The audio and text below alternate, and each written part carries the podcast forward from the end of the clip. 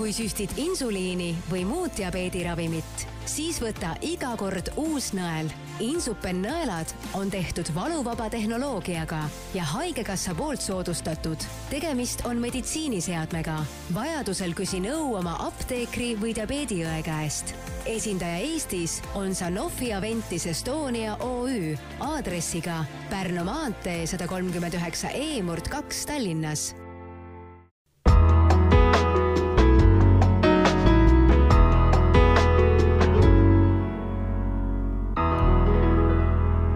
tervist teile, head kuulajad! Te kuulate taskuhäälingu saadet Tervist. minu nimi on Aive Mõttus, olen Maalehe ajakirjanik ja tervisetoimetaja.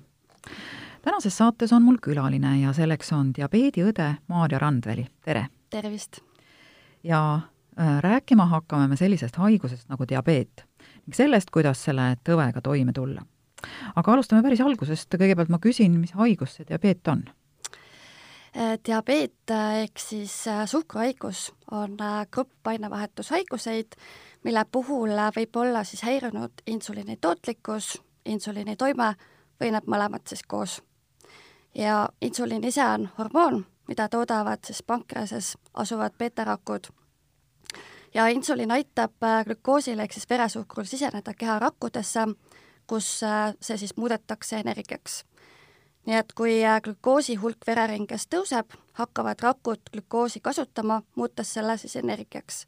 ja samal ajal salvestatakse üleliigne glükoos maksas glükogeenina. kui nüüd rääkida diabeedist ja selle levimusest ka, et see ja. on ka selles mõttes hästi oluline, kuna iga aastal tehakse siis erinevaid selliseid statistikat ja väga kurb ja selles mõttes negatiivne ongi see, et et ei, see haigus kuskilt ei taandu ega ka äh, ei alane, et iga aasta need numbrid aina tõusevad. nii et ähm, eelmise aasta seisuga elab diabeediga umbes nelisada kuuskümmend kolm miljonit täiskasvanut vanuses siis kakskümmend kuni seitsekümmend üheksa eluaastat, nii et siis terve maailma rahvastikust moodustab see natukene üle üheksa protsendi. no seda on päris palju. ja ja kuidas meil Eestis olukord on, et äh, Eestis diabeedi levimus on umbes seal seitse protsenti erinevate andmete põhjal ja tegelikult äh, siia peaks ka juurde lisama, et seal umbes seal kaks protsenti on veel need, kellel täna ei ole diagnoositud, kellel on veel see prediabeet või diabeedieelne siis seisund. kas äh, võib ka nii olla, et inimene ei teagi, et tal diabeet on? Jah, et võib küll olla ka selliseid olukordi, kuna eelkõige, kui me räägime just teist tüüpi diabeedist, et äh, siis see sümptomaatika võib olla väga selline tagasihoidlik, et kuigi patsient või inimene võibki tunda, et tal on selline väsimus, nõrkus, siis ta ei pruugi üldsegi seostada seda diabeediga. aga nüüd, nüüd te ütlesitegi, et äh, teist tüüpi diabeet, kas siis on olemas ka esimest tüüpi diabeet? on? jah, et tõepoolest, et, äh, et neid diabeedi vorme, et neid jagatakse tegelikult äh, tekkepõhjuse järgi nelja kategooriasse. et on esimest tüüpi diabeet, teist tüüpi diabeet, on gestatsioondiabeet ehk siis rasedusaegne diabeet ja ka teised sellised äh, äh, spetsiifilised diabeeditüübid et esimese äh, tüüpi diabeedi puhul, et seal on põhjuseks just nende beetarakkude hävimine, mis viib siis absoluutse insuliini puudulikkuseni ehk siis inimene vajab eluaeg insuliiniravi. ja teist tüüpi diabeet äh, on siis progresseeruv defekt insuliini tootmises, mille taustaks on siis insuliinresistentsus. ja nüüd see rasedusaegne diabeet ehk gestatsioondiabeet on siis diabeet, mida siis diagnoositakse raseduse teisel või kolmandal triimestril ja, ja ei ole juba enne siis seda rasedust äh, välja kujunenud diabeeti aga on ka olemas siis sellised äh, spetsiifilised diabeeditüübid, et äh, mis on siis tingitud äh, teistest haigustest, nagu näiteks sellised monogeensed diabeedisündroomid, et vastsündinutel neonataalne diabeet, moodi või on siis mõnest pankrease haigusest, et selle tagajärjel on siis välja kujunenud diabeet, ka teatud ravimid võivad põhjustada ja kemikaalid. natukene räägiksin lähemalt ka nendest diabeedivormidest et äh, kui me räägime sellest esimest tüüpi diabeedist, et äh, see moodustab siis diabeedi äh, juhtudest umbes viis kuni kümme protsenti. ja see tekib siis sellise rakulise immuunsuse mehhanismide poolt vahendatud pankrease beetarakkude hävimise tagajärjel. ja esineb seda just rohkem just lastel ja noortel, aga see haigus võib avalduda ka täiskasvanu eas et ka viiekümne-aastane, kuuekümne, kaheksakümne, üheksakümne aastased, see tähendab seda, et autoimmuunsete haiguste puhul ei ole mitte keegi kaitstud ja igas vanuses see võib tegelikult avalduda. aga järjest rohkem siis seda avaldub juba nooremate seas ja juba rohkem ka alla viieaastaste vanuste laste seas. et seda väljakujunemist äh, mõjutavad siis äh, erinevad sellised geneetilised ja keskkonnast tulenevad faktorid ja esimest tüüpi diabeedi puhul ta omab sellist tugevat seost äh, polüpropsete HLA geenialleelidega. ja teist-tüüpi diabeedi puhul, et see teist-tüüpi diabeet on siis enamuses, et see on siis üheksakümmend, üheksakümmend viis protsenti diabeedijuhtudest ja ja seda haigust siis iseloomustab see, et selle kõhunäärme beetarakkude on häirunud see funktsioon ja on tekkinud ka perifeerne insuliinresistentsus ja teist-tüüpi diabeet kujuneb geneetiliste tegurite ja keskkonnast tulenevate tegurite omavahelise koosmõju tulemusena ja mõjutada siis ebasoodsalt selle insuliini äh, sekretsiooni ja kudede vastust insuliinile, ehk siis ongi see insuliinresistentsus. et teist tüüpi diabeet on äh, aeglase kuluga ja tüüpilised sellised diabeedi sümptomid ei pruugi siis alguses üldsegi avalduda, et seetõttu äh, võibki teist tüüpi diabeet jääda pikka aega diagnoosimata. nii et äh, kuidas see patsient siis jõuab sinna vaatevälja, et ongi, kas leitakse täiesti juhuslikult äh,, näiteks kas või on teie töö tervishoiuarsti juures või perearsti juures või mõne teise haigusega kaasnevalt siis uuritakse, vaadatakse veresuhkru väärtust ja, või siis täiesti juhuslikult. Aga teist tüüpi diabeedi sellised äh, põhilised riskifaktorid on ikkagi see, et et seda esineb rohkem siis vanuses alates äh, nelikümmend viis eluaastat, kindlasti on suur risk, on ülekaal ja rasvumine, et kehamassi indeks sealt üle kahekümne viie, äh, samuti esineb seda rohkem naistel.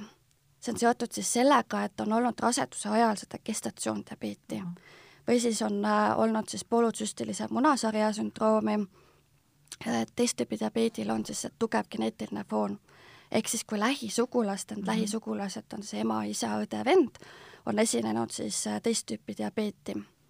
muidugi kindlasti vähene füüsiline aktiivsus ka on väga suur risk või siis, kui on juba esinenud neid äh, prediabeedi viitavaid sümptomeid, ehk on olnud siis glükoosi talumatus või on siis selle hommikuse veresuhkru häired, ehk siis selle hommikuse veresuhkru tõusu ja muidugi ka, kui on siis äh, olnud äh, südame-veresoonkonna haigused, et siis mhm. kindlasti peaks äh, äh, mõõtma seda veresuhkrut ja, ja uurima seda siis täpsemalt. no diabeet on tõesti on ka üks nendest haigustest, mille riskiteguriteks on siis liigne kehakaal ja vähene liikumatu, vähene liikuvus. et, et selles oma saates olen ma tõesti, ma arvan, et peaaegu et igas saates räägin sellest, et et vaadake üle oma kehakaal, vaadake see, mida, see üle, mida te sööte ja eriti, et vaadake üle, kui palju te liigute. aga nüüd, kuna need tüübid on erinevad, siis tõenäoliselt on neil ka erinev ravi. jah, tõepoolest et äh, nagu ma juba ütlesin, et esimest tüüpi diabeedi korral on äh, tegemist äh, sada protsenti insuliin puudulikkusega. seega ainuke ravi on neil eluaegne insuliinravi. ja insuliini siis äh, manustatakse kas siis insuliinpenniga või teine võimalus on kasutada siis insuliinpumpa. ja teist tüüpi diabeedi korral alustatakse ravi siis elustiili muudatustega, see on ka siis selles ravijuhendis tegelikult number üks asi et tuleb siis, äh, kui on tegemist ülekaaluga, tuleb kaalu langetada, toitumisalane nõustamine, füüsilise aktiivsuse suurendamine, tuleb loobuda suitsetamisest ja vähendada sellist alkoholi liigtarvitamist. ja see on kindlaks tehtud, et see aitab? jaa, absoluutselt, see kindlasti aitab, et, et äh, ei ole mingisugust kahtlust. ja see elustiili muutmine on hädavajalik kõikidele potentsiaalsetele haigetele et elustiili optimeerimine on küll mitmetahuline ja siin peaks olema siis kaasatud tegelikult kogu see diabeedimeeskond, nii arst, õde, füsioterapeut, psühholoog, et see vajab sellist multidistsiplinaarset lähenemist, et äh, elustiili muudatus on selline keeruline, võtab aega, aga see peab olema siis järjepidev. nii et äh, teist tüüpi diabeedi puhul, et kui ei saada siis hakkama elustiili muudatustega, siis lisatakse äh, antidiabeetilised ravimid, tablettravimid. ja juhul, kui siis haigust ei sea ikkagi kontrolli alla ja need veresuhkrut on püsivalt kõrged, et lisatakse teist tüüpi diabeedi raviskeemi alternatiivina ka siis insuliini. aga oluline on lihtsalt äh, ka see, et igal haigel, igal patsiendil, igal inimesel selle haiguse korral on väga individuaalne raviskeem. et seal ravi äh, nende eesmärkidel ikkagi arvestatakse seda, et kui kaua on see diabeet kestnud, kas juba on tekkinud need kaugtüsistused, kas patsiendil on kaasuvaid haigusi ja ka sellist ravisoostumust ja kas on olemas ka tugiisikuid ja absoluutselt ka kindlasti materiaalseid võimalusi. Aga no teie näete oma, oma töös tõesti iga päev suhkruhaigeid ja te näete kindlasti tihti ka inimesi, kellele on just äsja öeldud, et, et tal on sellist tüüpi diabeet, et ta peab ennast nüüd eluaeg süstima ja ja sageli tuleb seda ju öelda ka lastele ja lastevanematele. et äh, kuidas inimesed käituvad, kuidas nad selle uudise vastu võtavad tavaliselt? et äh, ma arvan, et äh, iga ras- äh,, iga sellise raske kroonilise äh, haiguse diagnoos on hirmutekitav ja eks ikka alguses on äh, sellist ähm, äh, muret ja, ja ka sellist äh, tõrget ja kindlasti see insuliini süstimise ees on alguses hirmu nii lastel kui ka täiskasvanutel kuid ma arvan, et äh, teadlikkuse tõstmine, et kuidas selle haigusega toime tulla, et kui oluline see on ja haiguse õpetamine, nõustamine ja ka toetamine ja ka perekonna kaasamine aitab sellest hirmust üle saada.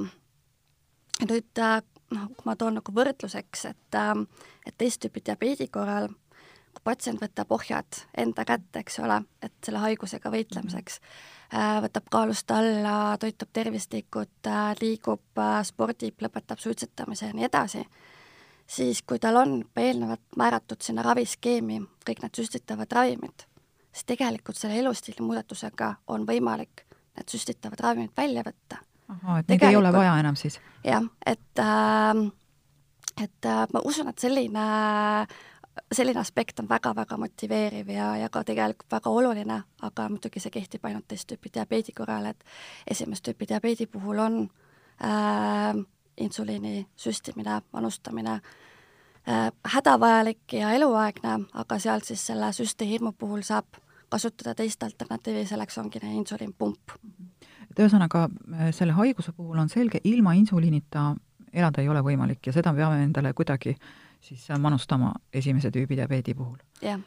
et aga, aga räägime natuke lähemalt, kui tihti on vaja süstida, kuidas see protseduur välja näeb, kuhu süstida ja mm, -hmm. ja muud sellised äh, pisiasjad tundub äh, võib-olla nendele kuulajatele, kes äh, seda protseduuri iga päev ise läbi ei tee, aga väga olulised neile, kes ennast tegelikult kogu aeg süstima peavad mm. -hmm no nagu ma juba eelnevalt ka ütlesin, et äh, igal inimesel on väga individuaalne raviskeem et esimest tüüpi diabeedi korral, et see baasinsuliin, et tehakse siis üks-kaks korda päevas ja nüüd see boolusinsuliin, see lühitoimeline, et siis iga toidu korral, toidukorra ette, kui ka siis, kui on kõrge veresuhkrut, tuleb seda langetada.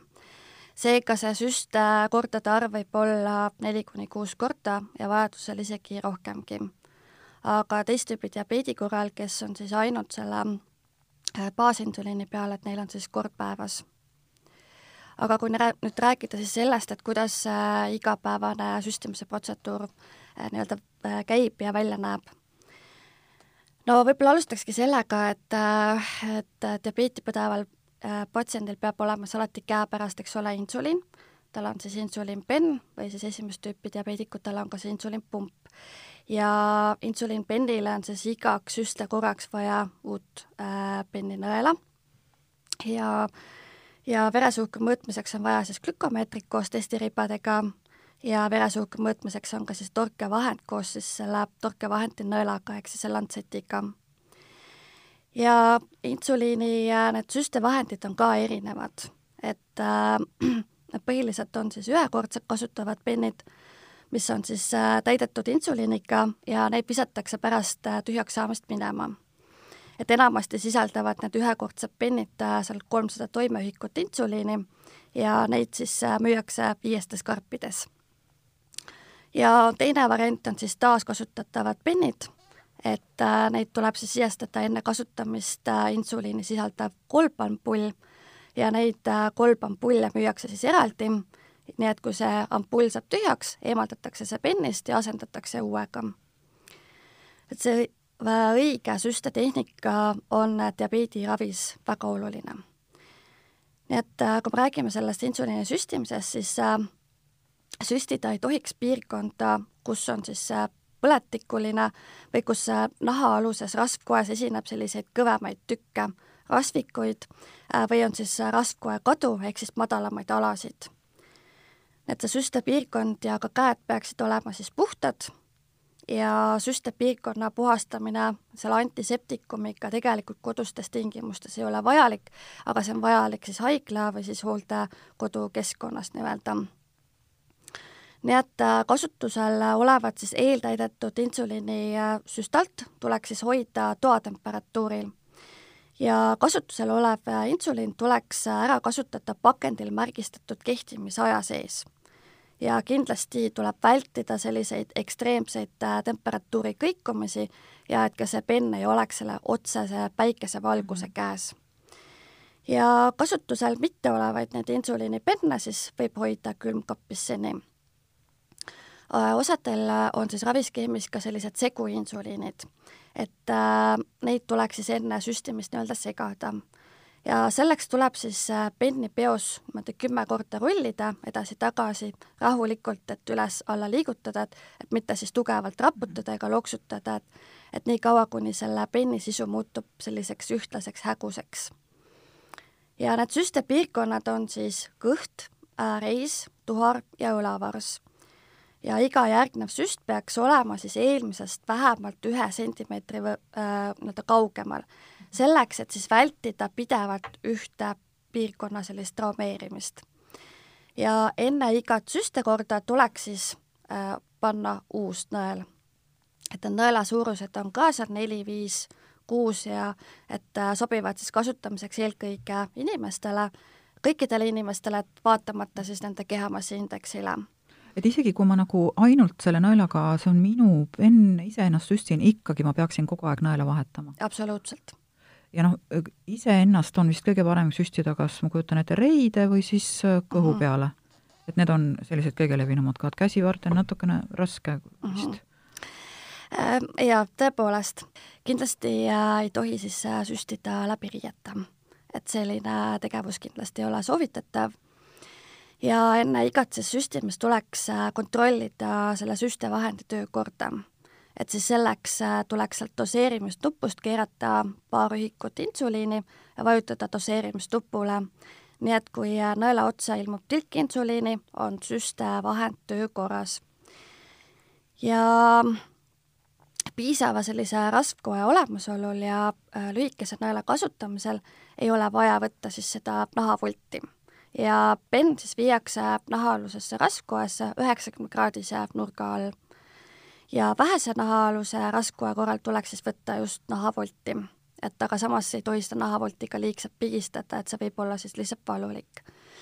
ja väikelastel võib see süstimise raadius, see kraad olla seal nelikümmend viis kuni kuuskümmend kraadi. ja selle süstepiirkonna masseerimine enne ja või siis pärast süstimist ei ole soovitatav, sellepärast et see võib kiirendada selle insuliini imendumist nii et kui alustatakse süstimist, tuleks siis tegelikult selle süstimise ajal lugeda kümneni. Ja kui kümneni on ära loetud, tuleb see siis nõel välja võtta. et kui liiga vara äh, võetakse see nõel välja, et siis ei pruugi kogu insuliini doos äh, jõudnud siis sealt pennist välja tulla, nii et äh, või inimene ei saa seda kogu doosi siis korrektselt äh, kätte. Ja kindlasti pärast süstimist tuleks kasutatud nõel koheselt eemaldada ehk siis vältida sellist õhu tagasivajumist ja ka insuliini lekkimist pennist. nii et, äh, et igal süste korral tuleb kasutada uut nõela ja pärast siis tuleks need nõelad panna sellisesse äh, kogumisanumasse ja ma arvan, et äh, tegelikult ka selle süstimistehnika ja insuliini süstimu juures süstimise juures on ka väga oluline see, et et seda insuliini imendumist mõjutavad ka sellised tegurid, et mis insuliiniga on tegemist. et seal insuliini puhul on tegelikult välja toodud, et mis on selle ravimi siis toimeaja algus, maksimaalne toime ja selle toimekestvus, et need on kõikidel erinevatel insuliinidel siis erinev ja samuti mõjutab ka seda insuliini imendumist insuliini doosi suurus. et suurte insuliinikoguste korral suureneb ka imendumise varieeruvus ja siis ka süstetehnika ähm,. Et selle puhul võib-olla ongi oluline see, et insuliin peab jõudma nahaalusesse rasvkoesse, mitte siis lihasesse et kui on tehtud äh, valesti, on mindud liiga sügavale, et äh, insuliin läheb lihasesse, et siis tõuseb selle insuliini imendumise kiirus ja see võib põhjustada siis äh, sellist madalat veresuhkrut ehk siis hüpoglükeemiat. Ja need süstepiirkonnad ongi siis kõht, reis, tuhar ja õlavarss ja et levinud selliste veresuhkrute kõikumiste põhjus ongi, et juhuslik selline süstepiirkondade vaheldumine ühest kehapiirkonnast teise. et insuliin tegelikult äh, just imendub kõige kiiremini kõhupiirkonnast ning äh, kõige aeglasemalt eelkõige just reie ja tuhara piirkonnast. Ja noh, õlavarrest imendub ta pigem sellise keskmise kiirusega. Ja kindlasti peab ka teadma diabeeti põdev äh, inimene, et äh, ka see insuliini imendumine sõltub ka piirkonna verevarustusest.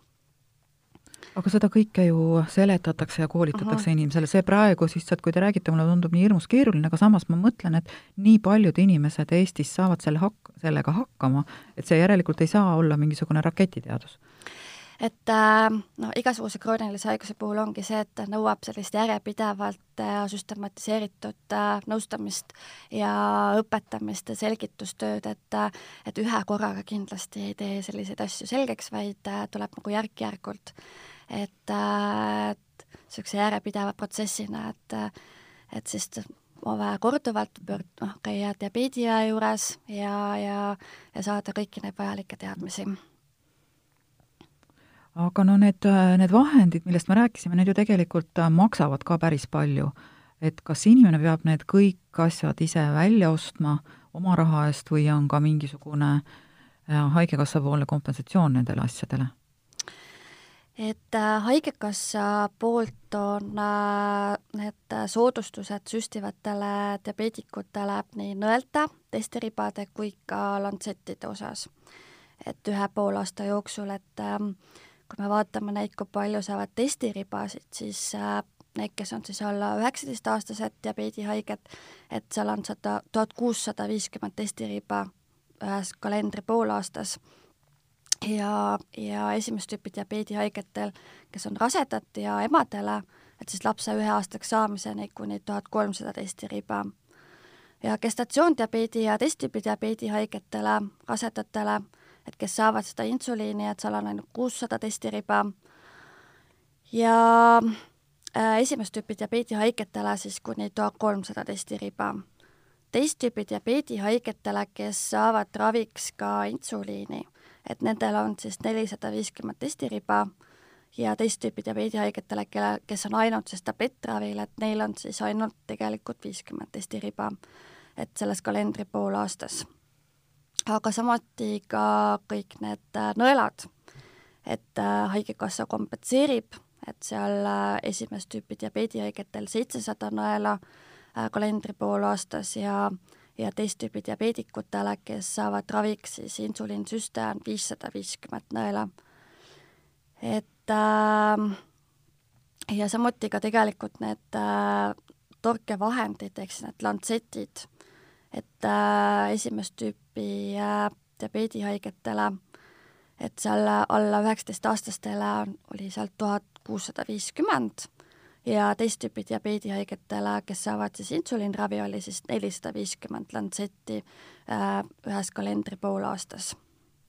aga need, kes on jällegi tablettravil, et äh, neil siis nii palju äh, ei kompenseerita, et jällegi ainult siis viiskümmend lantsetti no need on, need on tegelikult, kuidas teile tundub, on need äh, piisavad?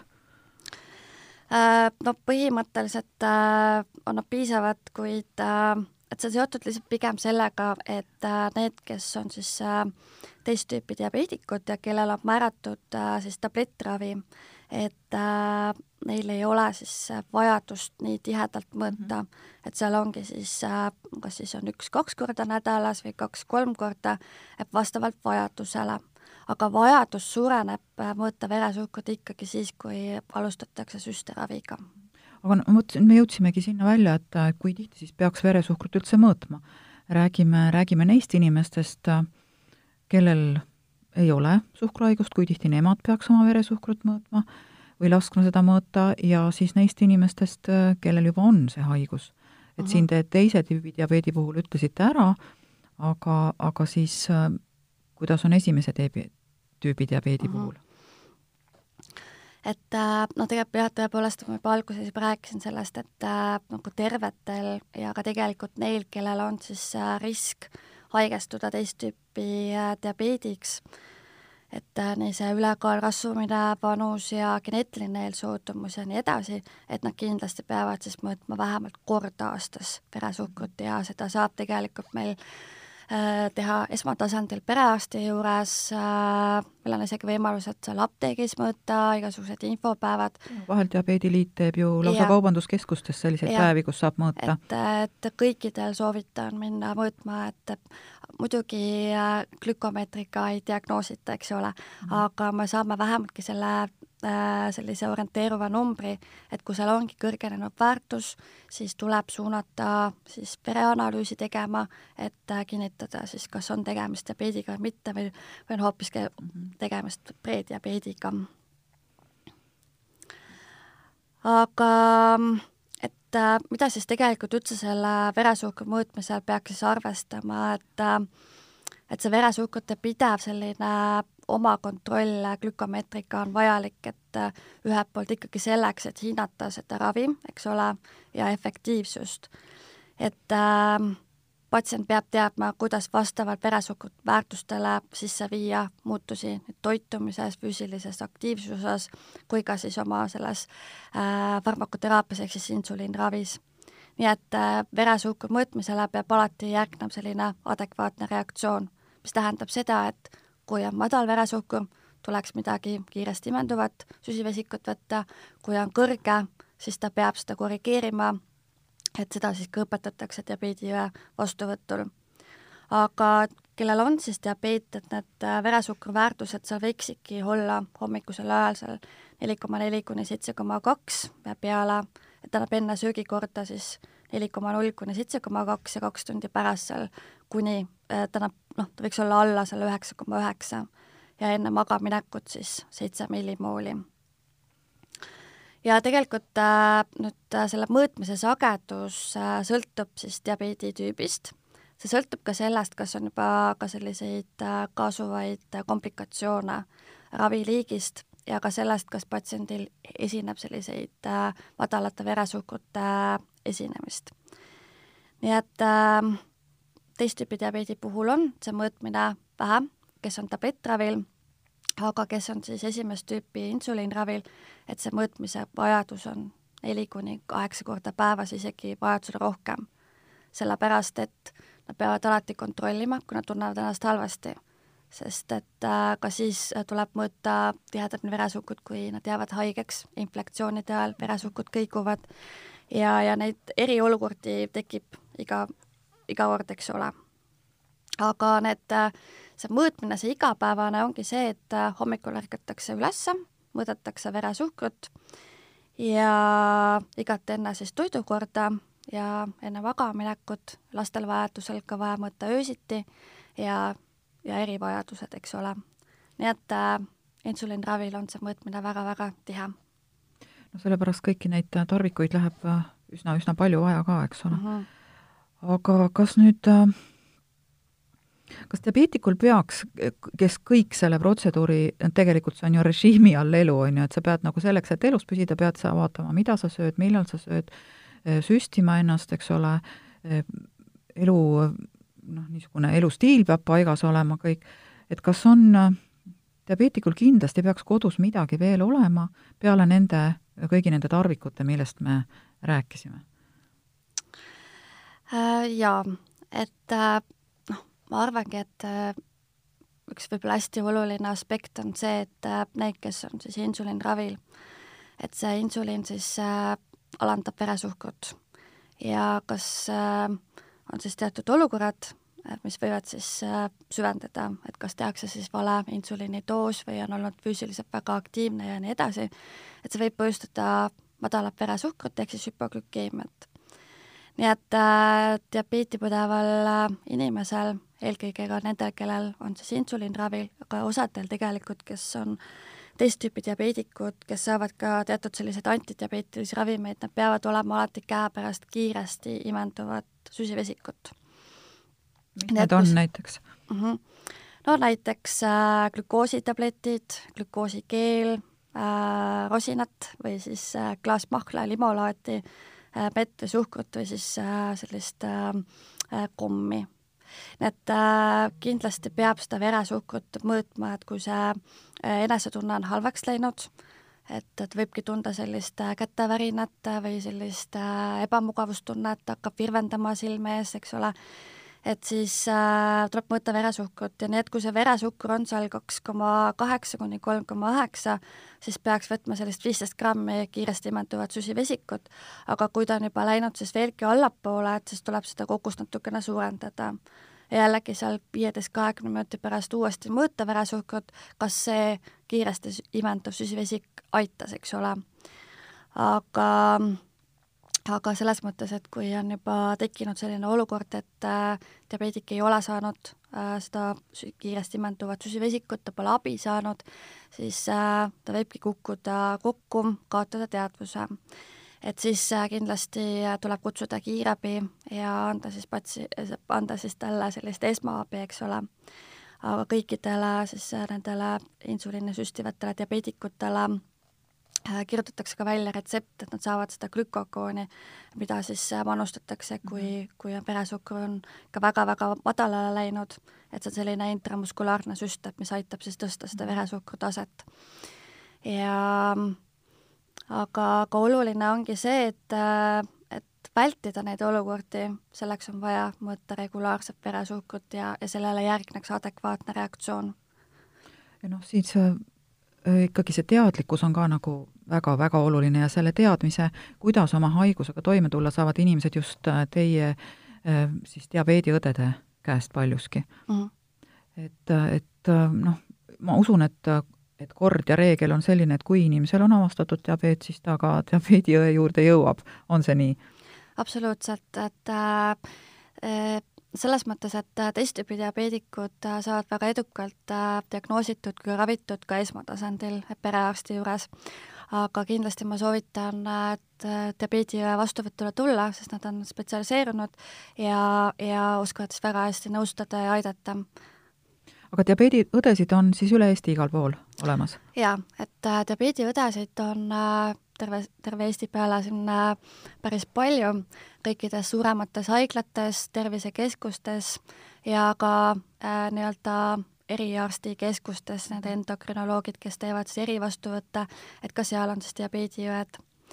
aga äh, natukene võib-olla räägiks ka sellest probleemist mm, -hmm. et, äh, et nagu ma alguses juba ütlesin, et see diabeedi levimus on väga-väga äh, kõrge ja tegelikult aina suureneb ja suureneb. Et kui meil, meil siin Eestis on see statistika selline, et meil on seal seitsekümmend, kaheksakümmend tuhat diabeedihaigeid siis äh, kaks tuhat viisteist aastal, kui ma loendasin kokku, palju meil diabeediõdesid on, siis need on umbes nelikümmend viis. et kui nüüd kalkuleerida seda kokku, et kui palju siis patsiente ühele diabeediõele on, et äh, meil on puudujääk tegelikult selles ja, ja ma isegi soovitan, et et tuleks siia rohkem inimesi juurde ja, ja seda valdkonda populariseerida, et võib-olla on pigem jah, selline keeruline ja raske, aga noh, minu arvates väga põnev no see tundub küll tegelikult huvitav ja ka väga, väga arenev valdkond kiiresti, et uh -huh.